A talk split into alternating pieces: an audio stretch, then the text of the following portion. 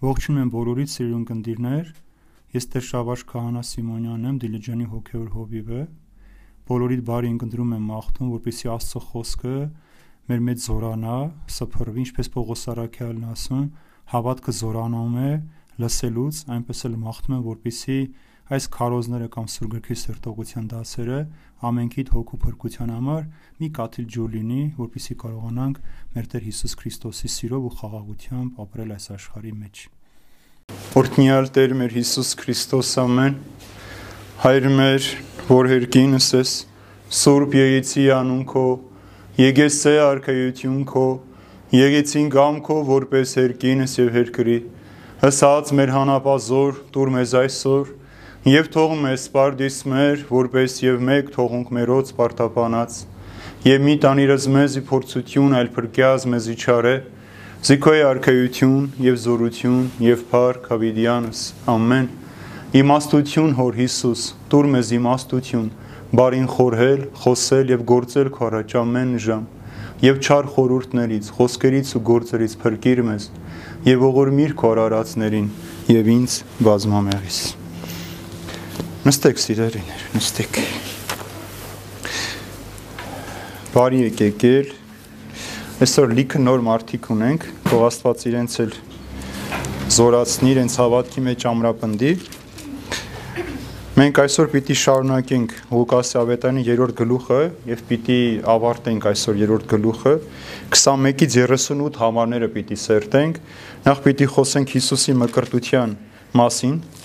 թե Հիսուս երբ որ եկավ մկրտության, ինչ տեղ ունեցավ, ինչու մկրտվեց, ինչպես երկինքը բացվեց եւ Սուրբ Հոգին աղավնակերպ իջավ Հիսուսի վրա եւ Հիսուսի ազգաբանության մասին պիտի խոսեմ, այն ինչ որ անունները թվարկվում էր, թե ով ով է, ում որդին է եւ հերթով հասնում ենք մինչեւ Ադամ եւ ասում է սա էլ Աստծո որդին է։ Մենք անցյալ դասին խոսեցինք,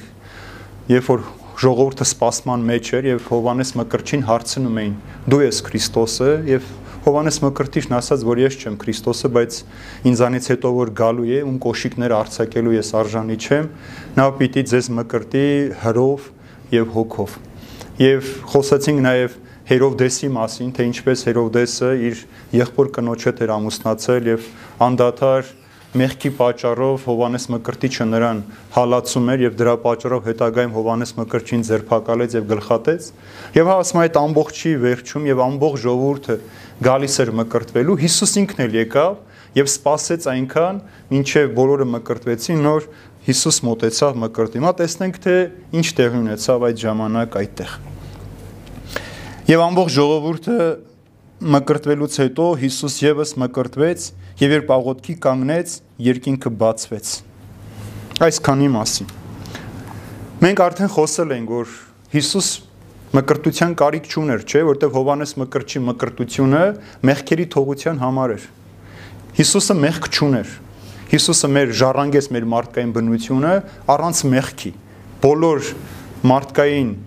ամբողջ կազմվածք ունեցա, բնությունով ինչ որ հատուկ էր մարդուն Հիսուսը ունեցավ, բայց առանց մեղքի։ Մեղքը երբեք չզարանգեց եւ երբեք մեղք չգործեց Հիսուս։ Բայց եկավ մկրտվելու մենք ասեցինք ինչու համար Հիսուս մկրտվեց, նախ մկրտվեց Աստծո արդարությունը կատարելու համար, օրենքը այդպես էր որ օրենքը կատարելու ինքը օրենսդիր էր, մեր փոխարեն մկրտվեց, ջրերը սրբեց, ջրերը մաքրեց, բայց տեսեք ասում է, երբ որ մկրտվեց, աղոթքի կանգնեց եւ երկիրը բացվեց։ Եվ քանի որ Հիսուսը մեղքեր չուներ խոստովանելու, մեղքի պատճառով չէր եկել մկրտելու, իրեն մնում էր աղոթել եւ աղոթեց եւ երկինքը բացվեց։ Սա շատ գեղեցիկ հատված է, սիրելիներ։ Աղոթեց, երկինքը բացվեց։ Հիշում եք Հակոբոս Առաքյանն էլ ասում է Եղիա Մարգարեի մասին, Եղիան էլ մերպես մի մարդ էր, որ ենթակա էր մեղքերին ու կրքերին, բայց աղոթեց եւ 3.5 տարի անձրև չեկավ երկրի վրա։ Հետո նորից աղոթեց եւ երկիրը անձև թափեց։ Ուրեմն ցույց է տալիս աղոթքի կարևորությունը, որ մարդը աղոթքով կարող է երկինքը բացել։ Եվ երբ Հիսուս մկրտվելուց հետո աղոթեց, երկինքը բացվեց։ Մենք հիշում ենք, Ինչ եղավ դրախտում, սիրելիներ։ Երբ որ Աստված դրախտը դրեց, ամեն ինչ ստեղծեց, կատարյալ վիճակի բերեց, մարդուն ստեղծեց, դրեց դրախտի մեջ, ասեց. «Աճեցեք, բազմացեք, երկիրը լցրեք եւ տիրեք այդ ամենին»։ Եվ առաջին պատվիրանը տրվեց մարդուն։ Երբ որ Աստված ասաց դրախտի բոլոր ծառերից կարող եք ուտել, բացի կենաց ծառից, բարև գիտության չարի ծառից։ Չուտեք, ասաց, եթե ուտեք կմահանաք։ Բայց ասում է Սուրբ գրքի մեջ, ծննդոց գրքի մեջ, օծը, որ բոլոր կենթանի մեջ ամենաիմաստունն էր, մտեցավ եւ Եվային հարցրեց. Ինչու չեք ուտում այդ ծառից։ Եվան ասաց, եթե ուտենք, կմեռնենք։ Աստված այդպես է ասել։ Իսկ սատանան ինչ ասեց Եթե ուտեք չեք մեռնել հակառակը, աստվածներ կդառնաք եւ կկարողանաք բարին ու չարը իրարից զատորոշել։ Եվ երբ որ ասում է խոսքը լսեց Եվան, նայեց ծառի պտղին եւ ասում է շատ հաճելի թված պտուղը, քաղեց, կերավ եւ տվեց իր ամուսնուն Ադամին, որ կանգնած էր իր կողքը, կերան եւ աչքերը բացվեցին եւ իրենք տեսան, որ մերկ են։ Եվ երեկոյին ասում է, երբ որ Աստծո ոտնաձայները լսեցին, թաքնվեցին Եվ Աստված հարցրեց. Ադամ, Ադամ, ուր ես։ Ադամն ասաց. լսեցի, որ գալիս էր թաքնվեցի։ Հարցրեց Աստված. Միթե կերար։ Ասաց. ես չէի, քո տված կիններ։ Կնոջը հարցեց. դու ինչու կերար, ասաց օծներ։ Եվ ինչ եղավ այդ պայծ սկսած Աստված անիծեց այս երկիրը եւ Ադամին ու Եվային զրկեց անմահությունից եւ դրախտից դուրս հանեց։ Եվ ինչ հիշում եք, ասում է դրախտի ճանապարհը սրոն հրեշտակին կանգնեցրեց, որ որևէ մեկին թույլ չտան մտնել դրախտ, եթե պատրաստ չեն։ Եվ դրախտը փակվեց մարդկանց համար։ Ադամի եւ Եվի պատճառով այդ մեղքը մարդկանց համար դարձավ ժառանգական եւ դրա համար երբ որ մենք նորացին երեխան ծնվում է, մենք 8-րդը դրա համար ենք մկրտում, որ երեխան ադամական մեղքից մաքրվի, որpիսի ծնված օրից սկսած իր համար երկինքը բաց լինի եւ հավիտենական կյանքը իրեն վերադարձվի։ Եվ երբ որ այդտեղից վռնդեց, երկինքը փագեց։ Եվ հիմա Հիսուս եկավ, մկրտեց եւ աղոթքով երկինքը նորից բացեց մարդու համար, սիրելիներ։ Սա նաեւ նշանակում է, որ Աստված վերադարձավ երկրի վրա։ Հասկացաք, չէ՞ ինչ եղավ։ Հիշում եք, որ Հիսուսի ծննդյան ժամանակ, երբ որ ասում են «Փառքի բարձունս Աստծո» ինչ էր նշանակում, որ Աստծո փառքը մարդկանց մեջ իր ներկայությունն էր։ Եվ այստեղ Հիսուսի մկրտությամբ Հիսուս նորից բացեց երկինքը, Աստված վերադարձավ մարդկանց մեջ, երկինքը հետ վերադարձավ երկիր։ Եվ այլևս բաց էր երկինքը բոլորիս համար։ Հիսուսի աղոթքով եւ Հիսուսի մկրտությամբ երկինքը բացմես մեզ համար։ Հիմա տեսեք, մենք ինչ ենք ասում նաեւ երկինք ասելով Մենք քանի երկինք գիտենք, քանի երկինք կա այս աշխարհում։ 3 երկինք կար։ 3 երկինք։ Հիշում եք Պողոս Արաքելն ասում է, ես հապշտակվեցի մինչև երրորդ երկինք։ Եվ ասում է, տեսա սեղանը փռված, որ ամեն տեսակ ուտելիք կար, ես չեմ կարող ուտել, ասած ասած ինչ որ ես սրբել եմ, դու հարամ մի համարիր։ Ուրեմն 3 երկինք կա, սիրելիներ։ Հիմա տեսնենք, որ երկինքը բացվեց Հիսուսի աղոթքով։ Ուրեմն առաջին երկինք այն է, ինչ որ մենք տեսնում ենք այս երկինքը, որի մեջ որ մենք ապրում ենք, երկիրն ու երկիրը տեսնում ենք։ Երկրորդ երկինքը այն վայրն է, որտեղ հրեշտակներն են։ Հրեշտակների 9 դասերն են բնակվում։ Իսկ երրորդ երկինքը այնտեղն է, որտեղ Աստված է։ Ուրեմն այստեղ Հիսուսի աղոթքով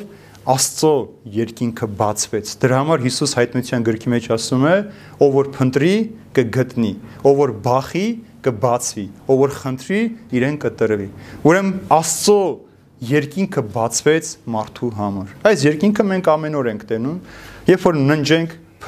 մահանանք, փրկվենք, հրեշտակների դասում կհայտնվենք, բայց Աստծուն տեսնելու համար ավելին պետք է անենք։ Դրա համար Հիսուս ասում է՝ եղեք կատարյալ, ինչպես որ ձեր երկնավոր հայրն է կատարյալ։ Այդ կատարելության երբ որ մեկը հասնի, տեսեք, մենք ամեն անգամ Երբ որ աղոթում ենք վերջում ինչ ենք ասում, ում բարեխոսությամբ։ Սուրբ նեք առաքյալների, մարգարեների, մարտիրոսների, հայրապետների, վարդապետների, ճգնավորների, կույսերի եւ միայնակացնի։ Տեսեք, այսքան սուրբերի դասեր կան, չէ՞։ Ուրեմն մեկին առաքյալի շնոր է տրված, մեկին մարգարեի, մեկին մարտիրոսի։ Հիմա եթե մեկը քրիստոնյա լինելու համար նահատակվել է, ինքը կփրկվի Բայց եթե ինքը Գրիգոր լուսավորչի պես չարչարվեր, ինքը միանգամից երկնքի արքայության մեջ պիտի հայտնվեր։ Այնտեղ որտեղ որ Աստծո ներկայությունն է։ Հասկացաք, չարչարանք կրելը դա շատ մեծ նեղություն ու դժվարություն է ամեն մարդ չի որ դիմանում է։ Մենք գրամար Գրիգոր լուսավորչին ասում ենք կենթանի նահատակ հալած ձութը լցրեցին նրա մարմնի վրա, վառեցին, ծուխի տակ պահեցին, ոտերը կոճղերի մեջ ջարդեցին, հետո գցեցին խորվիրապի վիհը, որտեղ Հիսուս 13 տարի օծերի ու կարիճների հետ ապրեց, բայց Գրիգոր Լուսարուչյան այնտեղից ողջ առողջ դուրս եկավ եւ պատճառը դարձավ, որ մեր հայ ազգը ամբողջությամբ ճանաչի Քրիստոսին եւ պետականորեն ճանաչի քրիստոնեությունը որպես իր հավատալիք։ Ուրեմն տեսեք, այսպեսի սուրբերը ամեն մեկ իր դասակարգում պիտի ունենա։ Օրինակ 12 առաքյալները Հիսուսի կողը պիտի նստեն եւ իրենք պիտի դատեն աշխարի բոլոր ժողովուրդներին նրանց է վերապահված։ Մենք էլ ինչ ենք ասում աղոթքի մեջ, որ երբ որ դու գաս Տեր, մենք չամանչենք, այլ քո աչակողմը կանգնենք։ Աչակողմը սուրբերն են, ցախակողմը մեղավորների դասներ, չէ՞։ Դրա համար ոչ ոք չի ուզում ցախ կողմ լինի, բոլորը միշտ ուզում են աչում լինեն։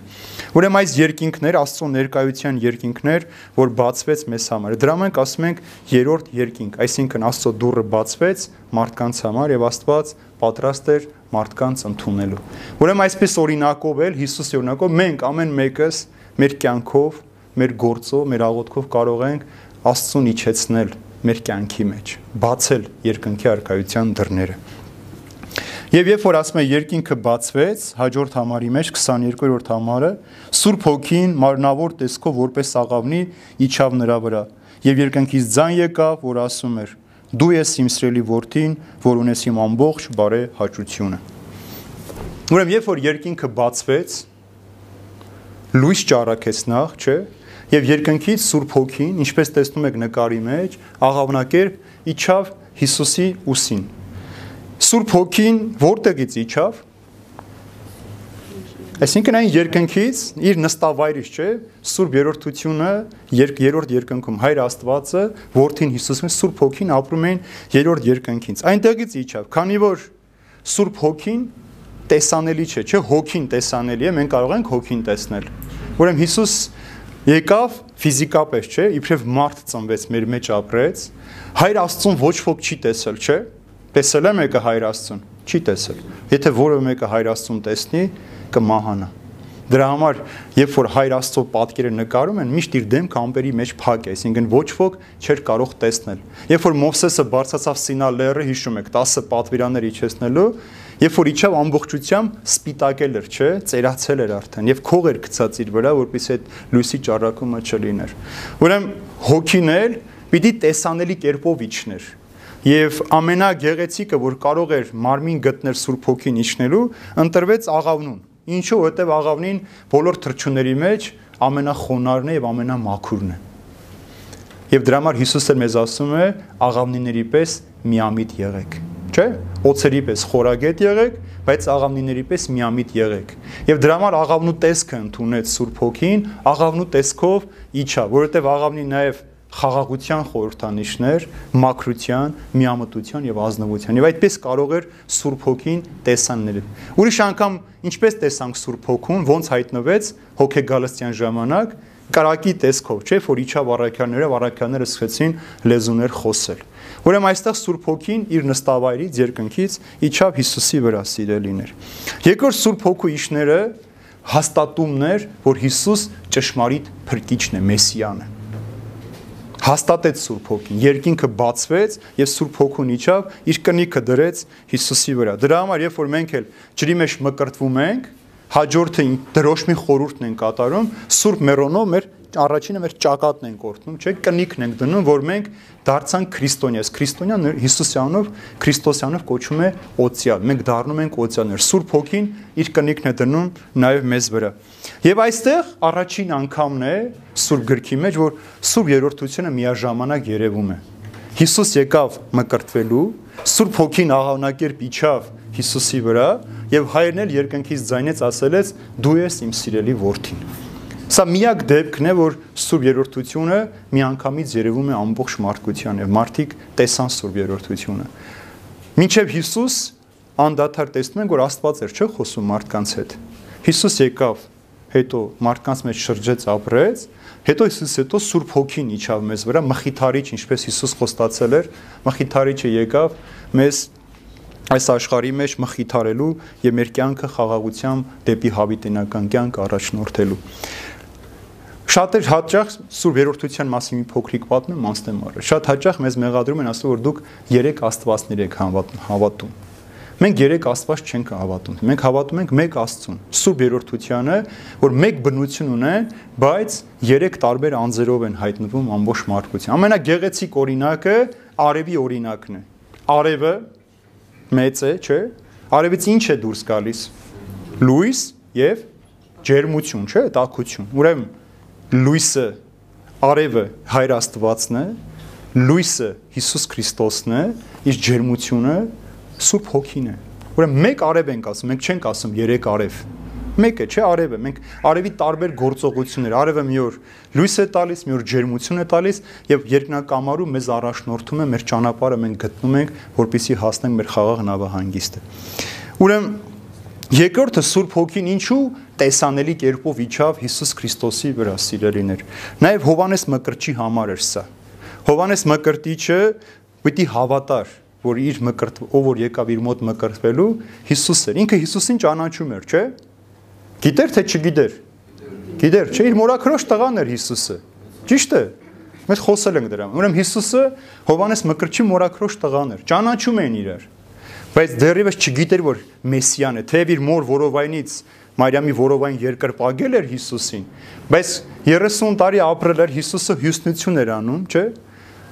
Ատաղծագործ էր եւ ճանաչում էր պես մորաքրոջ տղա։ Հիմա եկավ Սուրբ Հոգին, որպիսի Հովանես Մկրտիչն էլ հավատա, որ Հիսուսն է աշխարհի փրկև։ Տեսեք Հովանեսի ավետարանի մեջ ինչ է ասում Հովանես Մկրտիչ։ Մը տեսա հոգին, որ իջնում էր երկնքից, որպես աղավնի եւ հանգչում նրա վրա։ Եվ ես չէի ճանաչում նրան, սակայն նա, ով ինձ ուղարկեց ջրով մկրտելու, նա ինձ ասաց. ում վրա տեսնես, որ հոգին իջնում է եւ մնում է, նա եւ որ մկրտում է Սուրբ Հոգով։ Եվ ես տեսա ու վկայեցի, թե նա է Աստծո որդին։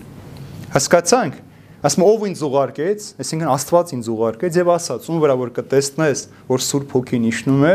նա է որ մկրտել է Սուրբ Հոգով եւ ես տեսա ու վկայում եմ, որ Հիսուս Քրիստոս ինքն էր Աստծո ճշմարիտ որդին։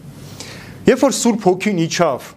բոլոր մարդիկ, որ հավաքված էին այդտեղ, տեսան եւ հանկարծ այդ նույն պահին էլ ասում է երկնքից մի ձայն եկավ, որ ասում էր նա է դու ես իմ սիրելի որդին, որ ունես իմ ամբողջ բարեհաճությունը։ Սիրելի որդի, դու ես իմ որդին եւ այսօր ծնեցի քեզ։ Սա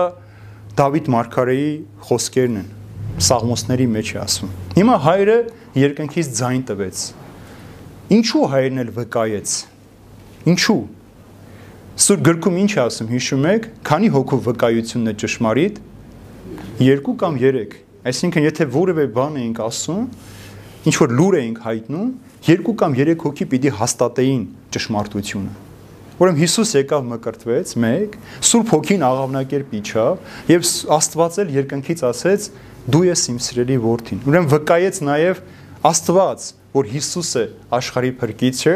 եւ ունի ամբողջ բարեհաճությունը Աստծո։ Ինչու ամբողջ բարեհաճությունը սիրելիներ։ Տեսեք, երբ որ Սատանան երկնքից ընկավ եւ իրեն հետևող բոլոր հրեշտակները թափվեցին, ինքը ստեղծեց իր իշխանությունը, խավարի իշխանությունը եւ սկսեց Աստծո դեմ պայքարել եւ մարդկանց մոլորեցնել։ Եվ որpիսի մարդկանց ազատեր իր գերությունից, Սատանան փրկագին ուզեց։ Աստծոս փրկագին ուզեց եւ փրկագինը Հիսուս Քրիստոս էր։ Եվ դրա համար երրորդ գլխի մեջ Հովանու ավետարանի մեջ ասում է Աստված այնքան սիրեց աշխարհը, որ անգամ իր միածին որդուն չխնայեց աշխարհի փրկության համար, տվեց իր միածին որդուն։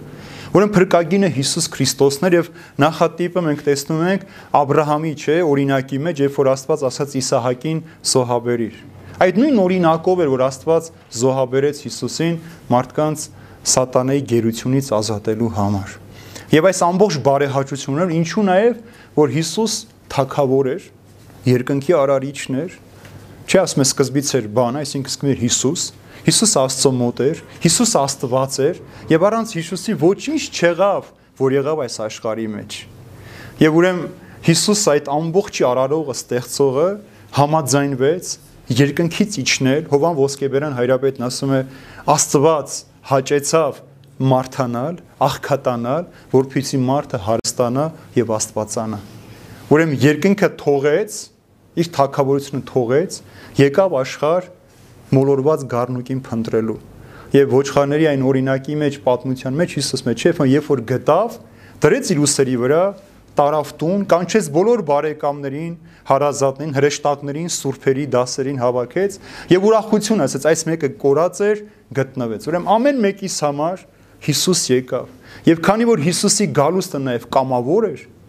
հանձներ արել, ուրեմն ուներ ամբողջ իշխանությունը։ Հովանեսուս ասում է, Աստված ինձ տվեց ամբողջ իշխանությունը, բայց ոչ թե դատելու, այլ փրկելու մարդկանց։ Եվ դրա համար ասում է, դու ես իմ սիրելի որդին։ Եվ երկրորդ անգամ որտեղ է ասում,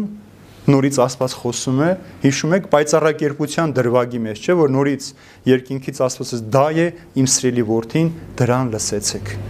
Ուրեմն Աստված էլ է վկայում Հիսուսի մասին, որ մենք Հիսուսին պիտի լսենք։ Հիսուսի խոսքը կարևոր տեղ պիտի ունենա մեր կյանքի մեջ։ Մեզ բազում մարդիկ պիտի գան, բազում առաջարկներ պիտի անեն, մեկ ավելի գեղեցիկ, մեկ ավելի ճոխ, մեկ ավելի հարմարավետ, ինչպես որ այսօր մարդիկ ամեն օր առաջարկում են, որ իրենց ամպրանքանիշը գնենք։ Բայց Աստծունը միշտ նույնն է։ Հիսուս երեկել, այսօր էլ, վաղն էլ նույնն է, չի փոխվելու Հիսուսի առաջարկը։ Եկել է, որ մեզ դեպի հավիտենական կյանք առաջնորդի։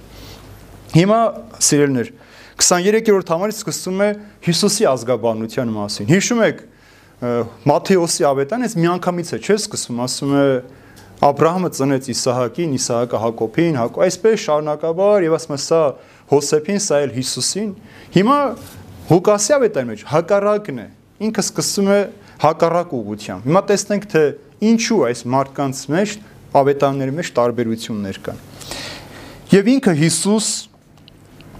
Շուրջ 30 տարեկան էր, որ երբ սկսեց իր գործունեությունը։ Եվ ինչպես կարծում էին որդիներ Հոսեփի, սա Հակոբի, սա Հեղիի, սա Մատաթյայի, հիմա սրանք կարդանք տեսնենք ինչ էր այս ամեն ինչի պատճառը։ Ուրեմն հрьяաների համար ինչև այսօր էլ շատ կարևոր է մարդու ազ, ընտանիքի ազգաբանություն իմանալը։ Մանավանդ քահանաների համար։ Ինչու էր դա կարևոր? Մենք էլ ենք, չէ՞, որ մենք այսինչ սերնդից ենք, մեր papերը, մեր ազգատոհմը կամ մեր տոհմածառը մինչև այս թվականը գիտենք, որpիսի մեր սերունդի ազնվականությունը ապացուցենք։ Օրինակ հрьяաների մոտ հատկապես փարիսեցիները սա շատ էին կարում, որpիսի ցույց տան, որ իրենք զտարյուն հрьяաներ էին։ Օրինակ Գալիլեացի հрьяաներին իրենք չէին համարում զտարյուն հрьяան, որտեղ այնտեղ շատ հեթանոսներ են այդ շրջանում ապրում։ Եվ ամեն մեկ իր ազգատոհը պիտի անգիր իմանար, որpիսի իր մաքուր այրունը ապացուցեր։ Մեզ այսօր շատ են, չէ՞ եղանուր, մենք շատ-շատ ենք փոխվել։ Հայերը սևաչերով են եղել, սև են եղել, Չէ, չէ։ Ուրեմն Մոսես Խորենցն ասում է հայերը կապուտաչիային եւ գանգրահեր էին։ Եվ դարերի ընթացքում մենք ասում ենք զուլվել ենք արաբների հետ, պարսիկների, թուրքերի, եւ այսպես բազում բազում ազգերի հետ խառնում ունենք այսօր։ Եվ եթե մեկը կարողանում է իր սերունդը ապացուցել, որ ինքը մանավանդ վերջին 300-400 տարին ամբողջը հայն իր սերունդի մեջ ինքը միշտ հպարտանում է։ Ուրեմն այդպես էլ հպարտություններ հрьяաների համար, որpիսի իրենց ազգատոհմը իմանային։ Ուրեմն Մատթեոսի եւ Ղուկասի այս ազգաբանությունների մեջ երկու գլխավոր տարբերություններ կան։ Հիմա տեսնենք որոնք են սիրում։ Մատթեոսը իր ազգատոհմը արդեն ասած սկսում է Աբրահամից մինչև Դավիթ մարգարե, չէ՞։ Այդպես է թե՞ չէ ասում է Աբրամից մինչև Դավիթ 14 սերունդ էին, 14 սերունդ, 14 սերունդ, մինչև Հիսուս Քրիստոս է բերում։ Ինչու, որpիսի ցույց տար, որ Հիսուսը Աբրահամի սերնդից է եւ Աբրահամը նրա նախահայրն է։ Աբրահամին էր չէ խոստացել, որ քո սերնդին զավակ պիտի տամ, որ այնքան պիտի լինեն, որ ավազի հատիկների չափ, նույնիսկ երկնքի աստղերի չափ պիտի լինեն։ Ուրեմն նպատակը սա էր, ցույց տալու համար, որ Հիսուսի նախահայրերը Աբրահամն ու Դավիթն էին։ Հիսուսին ինչ էին ասում մեկ այլ ձևով, Դավթի որդի, չէ՞։ Ասում են Հիսուս Դավթի որդի, ողորմին։ Իսկ Ղուկասը գնում է մինչև Ադամ ցույց տալու համար, որ Հիսուս ոչ միայն մեկ ազգի, այլև ամբողջ աշխարհի փրկիչն է։ Սխալ չկա, չէ՞, այս համեմատությունների մեջ։ Մատթեոսի եւ Ղուկասի ներկայացած ցանկերը մեջ, ունեմ Աբրահամից մինչև Դավիթ նույն անուններն են, տարբերություն չկա։ Բայց Դավթի Մարգարես մինչև Հիսուս անունները արդեն ամբողջությամբ տարբերվում են։ Հիմա կտեսնենք թե նաև ինչու են այդ տարբերը տարբերվում։ Ուրեմն ազգաբանության այս ցանկի մեջ Մատթեոսը խոսում ավելի շատ Հիսուսի թակավորական ցակում ունենալը, որ Հիսուսը թակավորական ընտանիքից էր։ Իսկ Ղուկաս ավետարանիչը ցույց է տալիս Հիսուսի քահանայապետական ցակումը։ Չէ՞։ Ուրեմն Հիսուսը պիտի լիներ թակավորական սերնդից եւ նաեւ քահանայական։ Արդեն խոսել ենք Հիսուսի ծնունդի մասին, որ թե Մարիամը, Աստվածամայրը, թե հայր Հոսեփը երկուսն էլ Դավթի սերնդից էին։ Թակավորական եւ քահանայապետական արյունը, ազնվական արյունը պետք է իրենց մեջ ունենային։ Եվ քանի որ Մատթեոս ավետարանի իր նամակը գրել է հрьяաների համար, սիրելիներ, Ինքը Աբետարանը Մատթեոսի գրված է նաև արամերեն լեզվով եւ ուղված էր հрьяաներին։ Եվ հрьяաների համար ուղված լինելու պատճառով ազգաբանության ցանկը դնում է հենց սկզբում, որովհետեւ հрьяաների մոտ այսպես էր. պետք է սկսեին ամենամեծից դեպի ամենափոքրը։ Այսպես են իրենց ազգաբանությունը։ Իսկ Ղուգաս Աբետարանի չի Աբետարան ուղված է բոլոր հեթանոսներին, բոլոր ազգերին։ Իսկ հեթանոսների մոտ հակառակն էր, ամենափոքրից գնում էին ամենամեծը։ ամենա Դրա համար Հովանես Մատթեոս Ավետանյանը հենց Ավետանի սկզբում է դնում ցույց տալու Աբ รา համից մինչև Հիսուս, իսկ Ղուկասը Հիսուսից մինչև Աստված։ Այդ հարաբերության մեջ է դնում այդ ամենը։ Ուրեմն Մատթեոսը ցույց է տալիս երկնքից երկիր իջնելը Հիսուսի, Աստծո, իսկ Ղուկասը Հիսուսի երկրից երկինք գնալը շատ գեղեցիկ է, չէ՞ համեմատությունը։ Ուրեմն երկնքից երկիր իջնելն է ցույց տալիս առաջինը, երկրորդը երկրից երկինք գնալն է ցույց տալիս։ Ուրեմն կան 3 անձեր նաև ավետարանի մեջ, որ 30 տարեկանում են, ինչ որ Հիսուս է սկսում։ Մա տեսեք։ Երբ որ մենք գալիս ենք ազգաբանությանը, հետարքիր մի բան կա։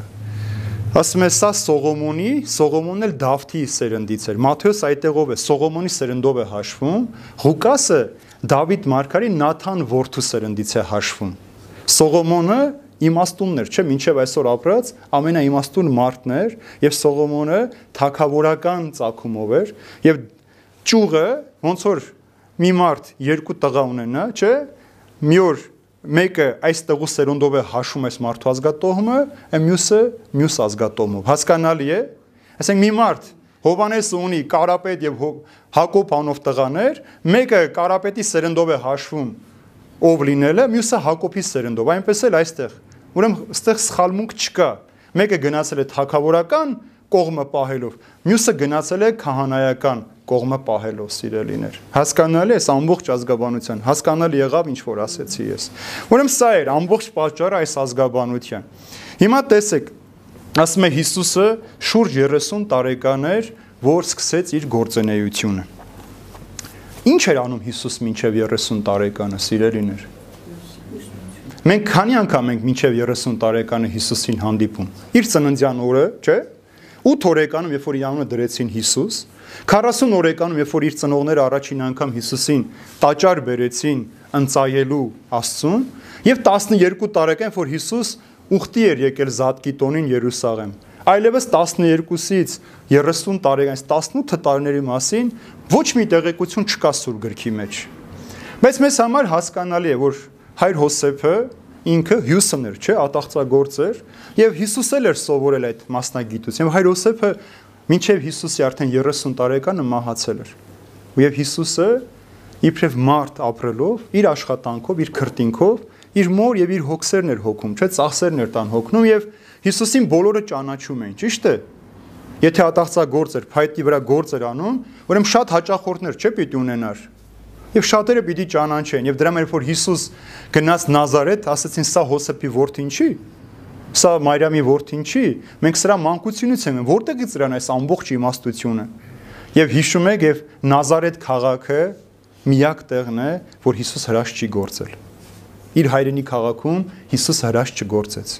որովհետև անհավատ էին, չհավատացին Հիսուսի Աստված լինում, որտեղ իրենց աշկի առաջ էր մեծացել։ Ինչպես մենք, երբ որ մեծանում ենք, որևէ մասնագիտություն ենք ունենում կամ որևէ պաշտոն ենք ունենում, մեր հարազին որ բան ենք, ասում է դու մեր երեխան ես եղել, դու մեզ մի ասա ինչ անենք, չէ՞։ Այդպես չի, երեխեք, ձեր ծնողները այդպես չեն ասում։ Դու մեր երեխան եք, մեզ մի ասեք, մենք ինչ անենք։ Այդպես են մեծերը մեր։ Եվ բոլոր ժամանակների համար է այդպես։ Ուրեմն Հիսուս 30 մինչև տարեկանը ապրեց Նազարեթ քաղաքում սիրին։ Ուրեմն 30 տարեկանը համարվում էր մարդու հասունության շրջանը։ Եվ եթե օրինակի համար մեկը պիտի քահանայա գործեր, ղեֆտացիները նրանք էլ պիտի 30 տարեկան լինեն։ Քրիստոնեական եկեղեցու մեջ էլ է այդպես։ Քահանա պիտի մարդը ձեռնադրի 30 տարեկանում։ Եվ 30 տարեկանում էր որ Աստված Ադամին ստեղծեց։ Չէ, Ադամին հոնորած ինչ ստեղծեց Աստված։ Ճիշտ է։ 30 տարեկան ստեղծեց Ադամին, որտեղ կատարյալ ստեղծեց։ Եվ Հիսուսը երկրորդ Ադամն էր, չէ՞։ Առաջին Ադամին պատճառով մեղքը մտավ աշխարհ, Հիսուս իբրև երկրորդ Ադամ եկավ, այդ մեղքը մարդկանց վրայից մաքրել։ Եվ դրա համար Հիսուս սпасեց 30 տարի եւ 30 տարեկանում եկավ մկրտվելու կատարելության տարիքում եւ 3 տարի քարոզեց մարդկանց փրկելու համար։ Երբ որ մենք հետ ենք դառնում 5 տակարանի մեջ, մենք տեսնում ենք, որ 3 հոգիներ կային, որ 30 տարեկանում սկսեցին նաև իրենց գործունեություն։ Առաջինը Հոսեփ Գեղեցիկն էր։ Հակոբի որդի Հոսեփը, հիշում եք, չէ՞ որ եղբայրները վաճառեցին Հոսեփին Եգիպտոս ստրկության։ Եվ Հոսեփը 30 տարեկցովի տարիներին կարողանան մարդկանց պետքերը հոգալ։ Եվ Հոսեփ բառը նշանակում է թող Աստված զավակներ ապարգևի, բայց ինչու ես հիմա Հոսեփյանը հիշեցի։ Հիշում եք Հոսեփյանը փարավոնը փոխեց եգիպտական անուն դրեց եւ շատ դժվար անուն է։ Փսոմ փթուն բան է։ Դժվար անուն է, չէ՞, փսոմ փթուն բան է։ Բայց ինչ է սա ներկա նշանակում երկրի փրկիչ։ Ուրեմն Հիսուսը Հոսեփի օրինակով եկավ երկիրը փրկելու։ Ճիշտ է։ Երկրորդ մարդով էր, որ 30 տարեկանում թակավոր դարձավ Դավիթ Մարգարեն։ Դավիթ Մարգարեն 30 տարեկան էր։ Դավիթ նշանակում է օցիալ, չէ՞։ Ուրեմն երկրի փրկիչը, օցիալը եւ երրորդը Եզեկիել մարգարեներ մարգարեական շնչով։ Ուրեմն Հիսուս օրինակն էր երկրի փրկչի, օցիալի եւ մարգարեությունների։ Եվ 30 տարեկանում եկավ ապրեց մեր մեջ։ Ամեն ինչ կատարյալ էր։ Տեսեք Պողոս Արաքյալը Եբրեսի նամակի մեջ ասում է. մենք մի քահանայապետ ունենք, որ մեզ նման փորձված ամեն ինչում, բայց առանց մեղքի մի քահանայապետ ունենք Հիսուս Քրիստոսը, որ մերպես ամեն ինչի մեջ փորձված է, այսինքն իր քրտինքով աշխատել է, վաստակել է, ծառավել է, հոգնել է, դժվարություններ, նեղություններ է կրել, բայց առանց մեղքի է մնացել։ Մեր կյանքի մեջ մեր գայթակղությունները շատ-շատ են։ Ցանկացած ասպերուզ, որտեղ որ մենք մտնենք աշխատելու կամ ծառայելու, մեզ պիտի փորձեն քաշել մեղքի մեջ Եթե մի խմբի մեջ աշխատում են 6 հոգի, այդ 6-ը կաշառք են վերցնում, դու գնացիր այնտեղ աշխատելու, քեզ պետք է ստիպեն, որ իրենց նման լինես։ Եթե քեզ պաշտոնի են նշանակում, քեզ պետք է ստիպեն, որ գողանաս իրենց էլ բաժին հանես։ Եթե դու մաքուր առաքինի կյանքով ես ապրում, քեզ պետք է սպիտեն մեղքի կյանքը ճաշակես, որպիսի նմանվես իրենց։ Եվ աշխարհ անդադար մեզ քաշում է այդ մեղքին, որ մենք նմանվենք աշխարհին։ Իսկ Հիսուսի նպատակը մեկն է, որ մենք իրեն նմանում ենք։ Մենք աշխարհից տարբերվենք։ Լույսի ворթիները խավարի ворթիներից տարբերվեն։ Աստծո զավակները չարի զավակներից կարողանան տարբերվել։ Եվ մնանք մենք այս աշխարհի մեջ առանց մեղքի։ Եվ ասում եմ, որ շուրջ 30 տարեկան էր սկսեց իր գործունեությունը։ Եվ ինչպես կարծում էին, նա ворթիներ Հոսեփի։ Այստեղ շատ կարևոր է այս ինչպես կարծում էին։ Ուրեմն Հոսեփը Բնականաբար Հիսուսի հայրը չէր, չէ՞։ Աստվածամայրը Սուրբ Հոգով հղացավ։ Նա տղամարդու հետ չքնեց, ամուսին չունեցավ իր կողքը։ Երբ որ հրեշտակն ասում է, պիտի մի որդի ծնես, եւ անունը պիտի դնես Հիսուս, ասում է, բայց ես տղամարդ չեմ ճանաչում։ Կույս էր մայրամ Աստվածածինը, բայց օրենքով Հոսեփը նրա հայրն էր, չէ՞։ Եվ Հոսեփը նրա համար էր կոչված, որպիսի Մարիամը հрьяաների մեջ այսպես թե մի աղջիկ հղիանում էր մինչև ամուսնանալը, նրան քարկոծելով սպանում էին։ Եւ Հոսեփը Աստվածամորից գրեթե 20 տարի մեծ էր։ Նշանվեց Աստվածամոր հետ, որpիսի օրենքի համաձայն հայր լինի, որ նախ Աստվածամորը չմեղադրեն անառակության մեջ եւ Հոսենքը օրինավոր հայր լինի Հիսուսի համար։ Հիսուսը բնությամբ Աստծո որդին էր, բայց օրենքով Հոսեփի որդին էր։ Եվ դրա համար ասում է, ինչպես որ կարծում էին։ Սա արդեն նշանակում է Հիսուսի անարատ եւ կուսական ծնունդ լինելը, որ առանց տղամարդու սերմի էր Հիսուս ծնվել։ Հիմա տեսնենք հաջորդ 24-25 համարների մեջ ինչ է ասում։ Եվ ասում է, սա որդին էր Հոսեփի, սա Հակոբի, սա Հեղիի, սա Մատթեի, սա Ղևիի, սա Մաղեքի, սա Հանեի, սա Հոսեփի, եւ սա Մատթեի, սա Ամոսի, Նավումի, Էսեդի, Նանեի։ Բազում անուններ սիրելիներ տրվեց։ Ուրեմն այս երկու համաների մեջ հիշատակված անունները 5 կտակարանում որևէ տեղում հիշատակված չեն։ Թե այս մարդիկ ովքեր են եղել։ Բայց կուզեմ որ Տեսեք, ասում է, սա Հակոբի, սա Հեղիի, Հոսեփի մասին է ասվում։ Ուրեմն որևէ թարգմանության մեջ միայն հայերեն թարգմանության մեջ կա Հակոբի եւ Հեղի։ Որևէ տեղում Հակոբ անունը չկա բոլոր ծերագրերի մեջ միայն հեղի անունն է պահպանված։ Ուրեմն ի՞նչ է սա նշանակում, սիրելիներ։ Հрьяաների մոտ երեխեքը չեն իմանա իրենց համար սա պատմեմ։ Հрьяաների մոտ այսպես սովորություն կար, եթե մեկ ամուսնանում էր եւ երեխա չեր ունենում մահանում էր, նրա եղբայրը պիտի ամուսնանար իր եղբոր կնոջ հետ։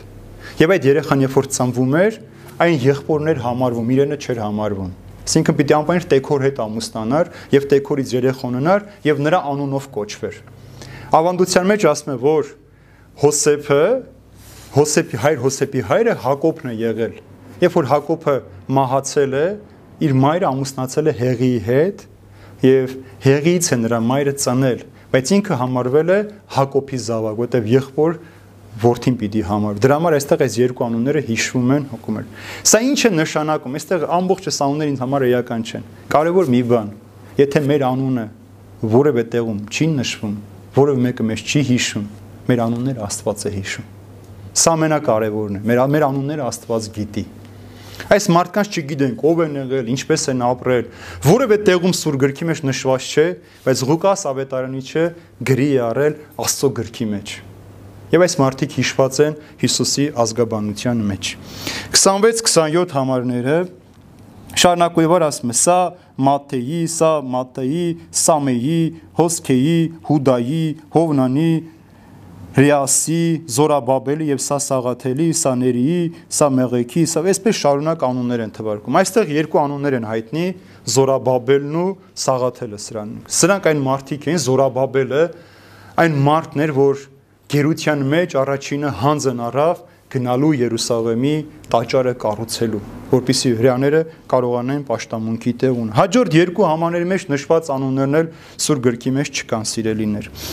Եվ տեսեք արդեն արդեն 30-31 համարների մեջ արդեն այդ տարբերությունը երևում է, այստեղ է որ արդեն Ղուկաս ավետարանը նշում է Նաթանը Սա որդիներ Նաթանի, Նաթանն էլ Դավթի։ Այստեղից արդեն շեղում է ազգաբանությունը Նաթանի ճյուղով է տանում, որpիսի ցույց տա, թե ինչպես է եղել այս տարբերությունը։ Ուրեմն 32-33 համարների մեջ ասում է անունների մեջ հայտնի է Հուդայի անունը։ Հուդա անուն ասում է Հուդան Հակոբ առաքյալ Հակոբ նահապետի որդիներ սին։ Ուրեմն տեսեք այստեղ ազգաբանության մեջ բոլորը տղամարդկանց անուններ են։ Մատթեոսի ավետանի մեջ 4 կանանց անուններ են նշվում, որից մեկը Ռութը օտարազգի էր, երեքն էլ Պորնիկ էին։ Այստեղ այս Հուդան, որ նշանվում է, Հուդան ուրեմն 3 որդի ուներ, սիրելիներ։ Եվ այս 3 որդիներից առաջինը իր ամուսնացրեց Թամար անունով մի աղջկա հետ, սա մահացավ։ Երբ որ մահացավ, արդեն պիտի հաջորդ հավ ինչպես արդեն ասացի, ամուսնացներ մյուս տղայի հետ։ Օնան անունով տղայի հետ պիտի ամուսնացներ։ Սա երբ որ ամուսնացավ Թամարի հետ, ճուզեց զավակ ունենալ եւ կենակցելուց հետո թույլ չտվեց, որ սերմը նրա մեջ թափի, որ զավակինը հղիանա, եւ դրա պատճառով Աստված սպանեց Օնանին։ Եվ երրորդ տղան փոքր էր։ Եվ Հուդան ասում է Թամարին գնա քո հորտում մինչև տղաս կմեծանա, կգաս կամուստանաս տղայից հետ։ Բայց այդ ընթացքում էլ Հուդայի կինը մահանում է եւ Թամարը մտածելով, որ ինքը չի կարող այլև ընտանիքից զավակ ունենալ, Պողնիկի հակուստ է հակնում, գնում է Հուդ իր կեսարի հետ կենակցում է եւ հղիանում զավակ ունեն, բայց Հութամարի սերնդից ծնված երեխաները մտան ազգատողմի մեջ։ Սա էլ ուրիշ մի բան է ցույց տալու, որ եթե պետք է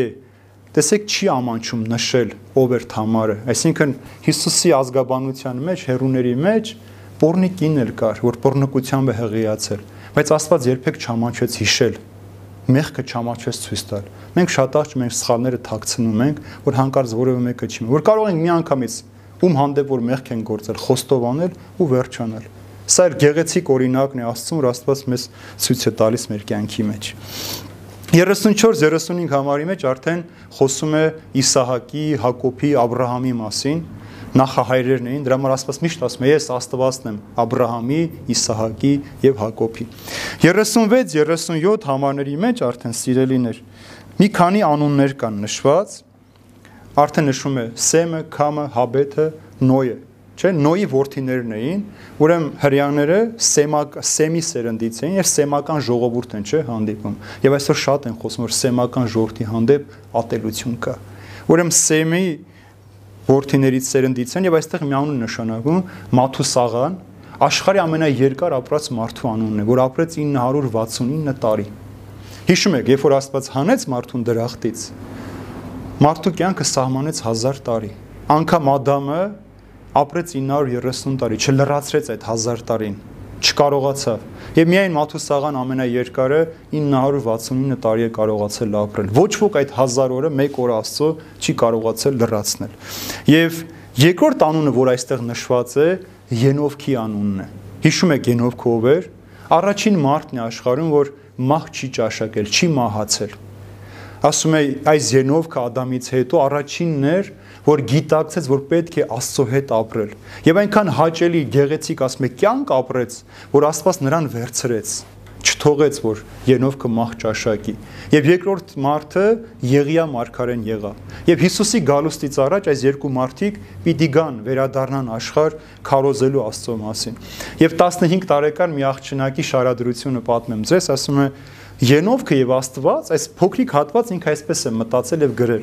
Ասում է Ենովքը եւ Աստված, ասում է շատ ընկերներ, մտերնիմ ընկերներ են, հոյր ու որդու պես, ամեն երեկո ասում է դուրս էին գալիս, միասին քայլում էին, անդադար պատտվում էին եւ զրուցում էին։ Եվ ասում եմ մի օր, երբ որ Ենովքի տանից դուրս եկան, այնքան հեռու գնացին, որ հասան Աստծո տան մոտ եւ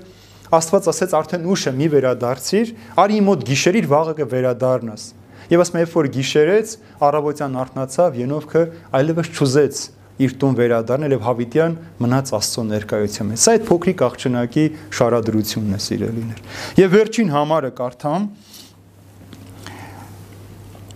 Եվ Կայնանի եւ ասում է սա Ենոսի, սա Սեթի, սա Ադամի եւ սա Աստծո։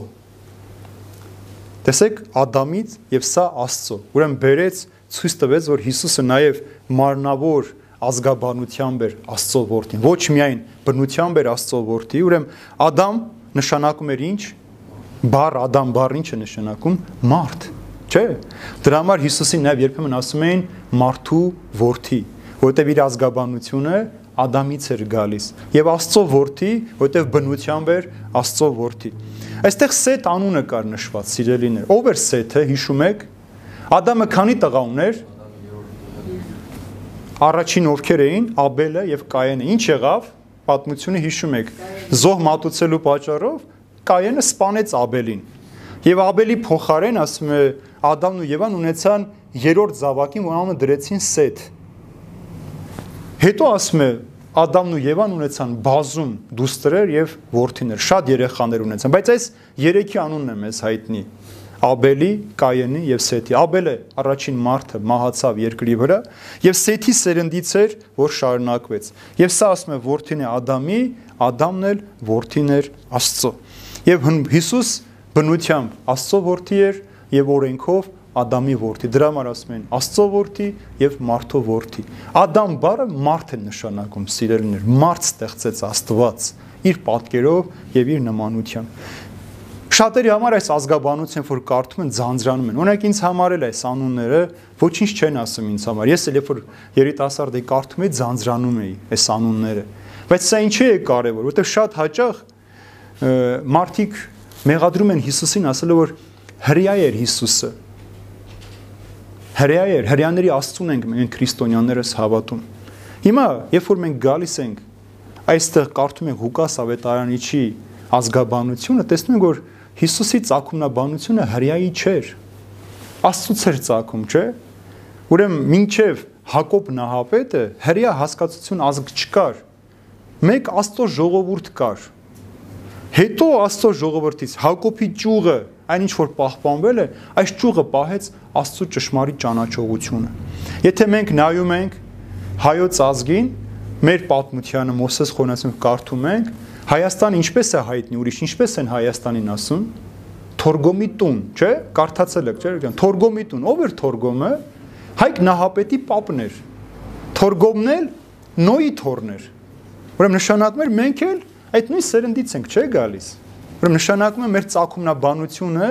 հայ ազգը, որ ասում ենք հեթանոս է եղել, հայազգը սկզբում հեթանոս չի եղել։ Հայազգը ճշմարիտ մեկ Աստծուն հավատացող ազգ է եղել։ Հետո է որ հայկից հետո սերունդները ընկան բազում աստվածներ ճաշտեցին եւ բազում հեթանոսական աստվածներ։ Ինչպես որ հрьяաները շատ հաճախ Սողոմոն հենց իմաստունի ժամանակ Սողոմոնը 1000 կին ուներ, ասում է 300 կին ուներ, 1000 հարճ ուներ եւ ասում է ամեն կինը իր հետ իր աստվածներ, իր սովորությունները բերեց եւ այնքան ասում է նույնիսկ Սողոմոնը Աստծուց հեռացավ, չէ՞։ Աստծո ժողովուրդը ամեն ասում է Սարի լեռան վրա հեթանոսական աստվածներ էին ճաշտում։ Ինչու? Որովհետև ապրելով ուրիշ ազգերի մեջ մարդիկ նմանվեցին Օրինակի համար, երբ որ շատ հաճախ մեր ազգը, մենք աշխարհի մեջ երևի ամենամեծ սփյուռք ունեցող հայ ազգն ենք, երբ որ մենք գնում ենք օտար երկրներ ապրելու, այդ օտար երկրների սովորությունները վերցնում ենք, մերը մոռանում ենք։ Եվ մեզ թվում է, թե օտարին ավելի լավն է, քան մերը։ Մենք ավելի պահպանողական ենք, մենք ավելի հին ենք, քան այս ժողովուրդը, չէ։ Հայազգը պահպանողական է սրբությունները պահելու, բայց շատ առաջադեմ է, թե իր կենցաղի մեջ, թե իր մտածելակերպի մեջ։ Պարզապես մեր շուրջը եղած թշնամությունը թույլ չի տվել։ Եկել են ու ճնշել են մեզ։ Երբ որ մի օր Սևանավան կբարձրանաք, կտեսնեք այնտեղ շատ գեղեցիկ խաչքար կա դրված, Հիսուսի աշկերը շեղ են եւ մազերը հյուսված են, մոնղոլական, ոնց որ մոնղոլի կերպար լինի։ Ինչու՞։ Որովհետեւ այդ ժամանակում մոնղոլները Հայաստանում իշխում էին։ Ստիպած մեր վարպետները, մեր հոգևորական, այդպես են պատկեր Հիսուսին, որ չվնասեն, կարողանան մեր սրբությունները փոխանցել մեզ։ Ուրեմն այդպես էլ Հիսուսը ինքը հрья չէր, պարզապես այդ միջավայրում ծնվեց, որտեղ այդ միջավայրում էր պահպանվել միակ ճշմարիտ Աստծո աշտամունքը։ Եվ աշխարհում միակ մաքուր աղջիկը Մարիամ Աստվածածինն էր, ում մեջ որ Հիսուսը ցանկացավ բնակվել։ Եվ այստեղ է այս ազգաբանությունը, որ սկզբում արդեն ասացի, Ղուկաս ավենը նրա համար է դրել, որ մենք հասկանանք, որ Հիսուսը մեկ ազգի փրկիչը չէ կամ մեկ ազգի Աստվածը չէ, այլ ամբողջ ժողովուրդների, ամբողջ ազգերի փրկիչն է Հիսուս Քրիստոսը սիրելիներ։ Այսքան այսօր։ Թող Տերը մեզ զորացնի երեք կարևոր բան մեր կյանքի մեջ այստեղից պիտի ֆիքսենք մեզ համար ու սովորենք։ Նախ աղոթքով երկինք բացելը։ Այսօր աշխարհում ամենակիչը աղոթքն է եւ ամենաշատը աղոթքի կարիք կա աշխարհի մեջ. Իրական աղոթքի սրտից բխած աղոթքի որ Աստված չասի մեզ դուք լեզվով ինձ հավատում եք բայց սրտով շատ հեռու եք ինձանից այն աղոթքի որ կարող ես համար երկինքը բացել այն աղոթքի որ կարող ենք պատերազմը դադարեցնել այն աղոթքի որ մենք կարող ենք խաղաղություն հաստատել այն աղոթքի որ կարող է մեզ ազնվացնել այդ աղոթքի կարիքը կա այսօր աշխարհի մեջ երկրորդ այսօր աշխարհը կարիք ունի լսելու Աստծո խոսքը, որ ասի դուք եք իմ սիրելի ժողովուրդը։ Դուք եք իմ սիրելի որդիներն ու դուստրերը։ Ես ուզում եմ ձեր մեջ բնակվել։ Եվ երրորդ, հիշենք, որ այս կյանքի մեջ մեզ տրված պատվո գրերը, շքանշանները, պարգևները, մեզ հանդեպ ցույց մեր հանդեպ ցուցաբերած հարգանքն ու պատիվը Աստծո համար ոչինչ են։ Մենք կարող ենք այս աշխարհի մեջ շատ բանի հասնել, բայց կորցնել երկինքը։ Մենք պիտի միշտ հիշենք, լավ է մեր անունը գրվի երկնքում Աստծո գրքի մեջ, քան այստեղ որևէ մեկի մատյանի մեջ կամ պատվոգրի վրա գրվի մեր անունը։ Դա մեզ ոչինչ չի տալու։ Աստծուն չի հետարկում ոչ իմ անունը այս աշխարի վրա, ոչ իմ փառքը, ոչ իմ պատիվը, ոչ իմ ունեցածը, ոչ էլ իմ չունեցած։ Աստուն հետարկում է իմ սիրտը, թե ինձ սիրտ ունեմ։ Եվ եթե իմ սիրտը մաքուր լինի, Աստված իմ հիշատակը երկար կպայես աշխարի վրա շատ երկար կպահի։ Եթե մենք այդպես կարողանանք մեր սիրտը դնել Աստծո ոտքերի տակ սիրելիներ։ Այսքանը թող Աստված մեզ բոլորիս օրհնի, զորացնի, մենք ավակ շաբաթվա մեջ ենք, այսօր ավակ չորեք շաբթին է, Հիսուսի մատնության օրն է, սիրելիներ։ Այսօր է որ Հուդան գնաց բանախ բարեխոսեց կամ ինչպես ասում են գնաց հանդիպման, ինքը ընթարաջ գնաց, բանակցություններ արեց, թե ինչքան գումար կտանեն, որ ինքը Հիսուսին մատնի եւ հрьяաներն էլ ուրախացան փարիսեցիներն ու քահանայապետերը եւ 30 արծաթ կշռեցին տվեցին, որով Հիսուս մատնվեց։ Եվ այսօր նաեւ Հիսուսի օծմանորն է, որ այն պորնիկինը եկավ անուշահոտ յուղը լցրեց Հիսուսի վրա, օծեց Հիսուսին, իր արցունքներով ոդքերը լվաց Դա էլ Հիսուսի մահն էր խորհրդանշում, ինչու որովհետև խաչված մարդկանց ծիսական կարգով չէին թաղում եւ դրա համար նախապես այդ կինը օծեց Հիսուսին, որպեսզի ինքը մեղավորների պես չթաղվեր։ Եվ վաղը մեր ամենածանր օրն է, ավակ 5 շաբթին է, վաղը Սուրբ Պատարագն առավոտյան 10-ից հաղորդության խորհրդի հաստատումը, երեկոյան արդեն ոտն լվան է, ինչպես Հիսուս ընտրիկից հետո լված իր աշակերտների ոտքեր եւ խավարումը պետք է սկսի։ Տեսնենք թե ինչպես մենք էլ Հիսուսի պես միայնակ պիտի մնանք, ինչպես պիտի Հուդայի պես Հիսուսին մենք մատնենք, ինչպես պիտի ուրանանք եւ պիտի Հիսուսին թողնենք միայնակ, որպեսզի խաչվի, թաղվի, բայց երրորդ օրը հարություն առնի եւ մահվան անդեպ հաղթանակ տանի։ Թող Տերը օրհնի բոլորիդ, զորացնի, ամենքիդ պահապան լինի։ Այժմ եւ հավիտյանս, հավիտենից ամեն։ Թող Տերը օրհնի ամենքիդ, խաղաղությունը սիրո մեջ պահի եւ սիրո Աստվածը թող ամենքիդ ընտանիքների մեջ զորություն, պահպանություն պահի, որպեսզի երբևէ չսասնվեք ու չվախենաք այս աշխարհի բոլոր նեղություններից ու դժվարություններից։ Աստված պահապան ամենքիդ։